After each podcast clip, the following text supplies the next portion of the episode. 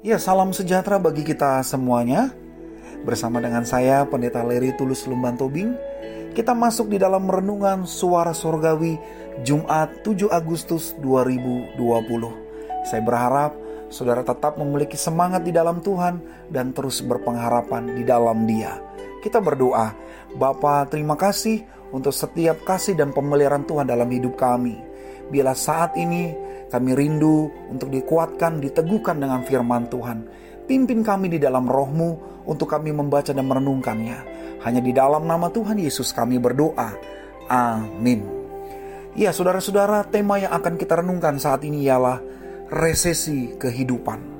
Kita membaca dari 2 Korintus 4 ayat yang ke-16.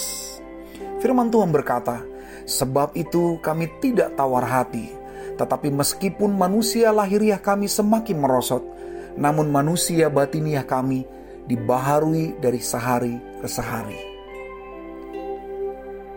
Pandemik virus corona COVID-19 tentu memberi dampak yang luar biasa di dalam kehidupan. Semalam dalam pemberitaan yang saya lihat di televisi, beberapa negara besar sudah mengumumkan kondisi perekonomian negaranya yang mengalami resesi. Apa itu resesi? Di dalam ekonomi secara makro atau global mengalami kemerosotan. Ketika pertumbuhan ekonomi real bernilai negatif selama dua kuartal atau lebih dalam satu tahun. Ini dapat mengakibatkan penurunan secara simultan pada seluruh aktivitas ekonomi seperti lapangan pekerjaan, investasi, dan keuntungan perusahaan. Selama ini berlangsung, ekonomi harus berjuang banyak orang kehilangan pekerjaan, perusahaan membuat lebih sedikit penjualan, dan output ekonomi negara secara keseluruhan menurun. Sehingga efek dari resesi yang terjadi, investasi anjlok, dan secara otomatis akan menghilangkan sejumlah lapangan pekerjaan yang membuat angka pemutusan hubungan kerja atau PHK naik secara signifikan. Produksi atas barang dan jasa juga merosot sampai kepada skala nasional.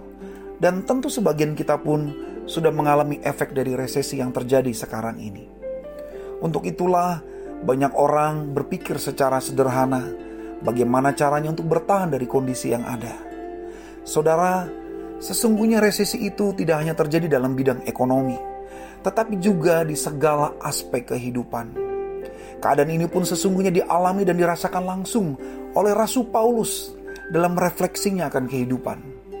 Ia memberikan catatan bagi kita bahwa kehidupan yang sudah barang tentu akan mengalami resesi atau kemerosotan. Dan hal itu adalah suatu keniscayaan. Paulus memberikan gambaran dengan tubuh kita yang makin lama tentu akan mengalami perubahan dan kemunduran. Itu sebabnya di sepanjang abad bermunculan orang-orang yang berusaha menemukan cara apakah itu obat atau herbal atau atik, apakah aktivitas fisik yang intinya dapat mencegah atau mengurangi dari resesi yang ada. Tentu bisa dilakukan, namun tidak dapat sepenuhnya menanggulangi, sebab ini adalah suatu kenyataan yang harus dihadapi. Karenanya, mari kita memperhatikan kebenaran disampaikan oleh Paulus, agar kita dapat berani melewati resesi yang terjadi sekarang ini. Apakah itu? Kita kembali kepada firman-Nya. Paulus berkata, Meskipun manusia lahiriah kita semakin merosot, namun manusia batiniah kita dibaharui oleh Allah dari sehari ke sehari. Inilah kuncinya. Manusia tidak hanya sebatas lahiriah. Seperti ungkapan yang sering kita kenal, di dalam tubuh yang sehat terdapat jiwa yang kuat. Bukankah jiwa bukan hal yang jasmaniah, tetapi imaterial dari seseorang, mencakup pikiran dan kepribadian.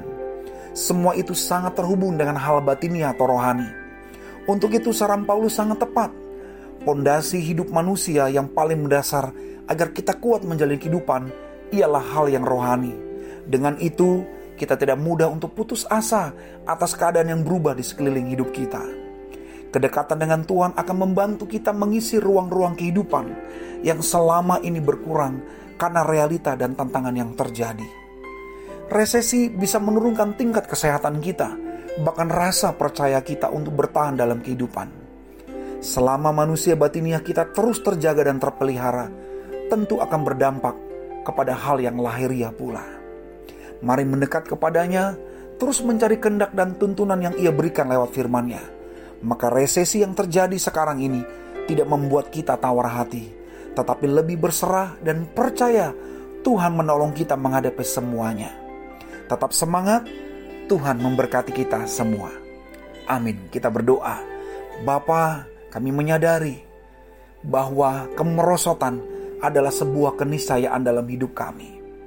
Tapi biarlah kami percaya bahwa Engkau adalah Allah sumber kehidupan kami yang memiliki kehidupan ini dan yang juga bertanggung jawab penuh atas segala yang terjadi.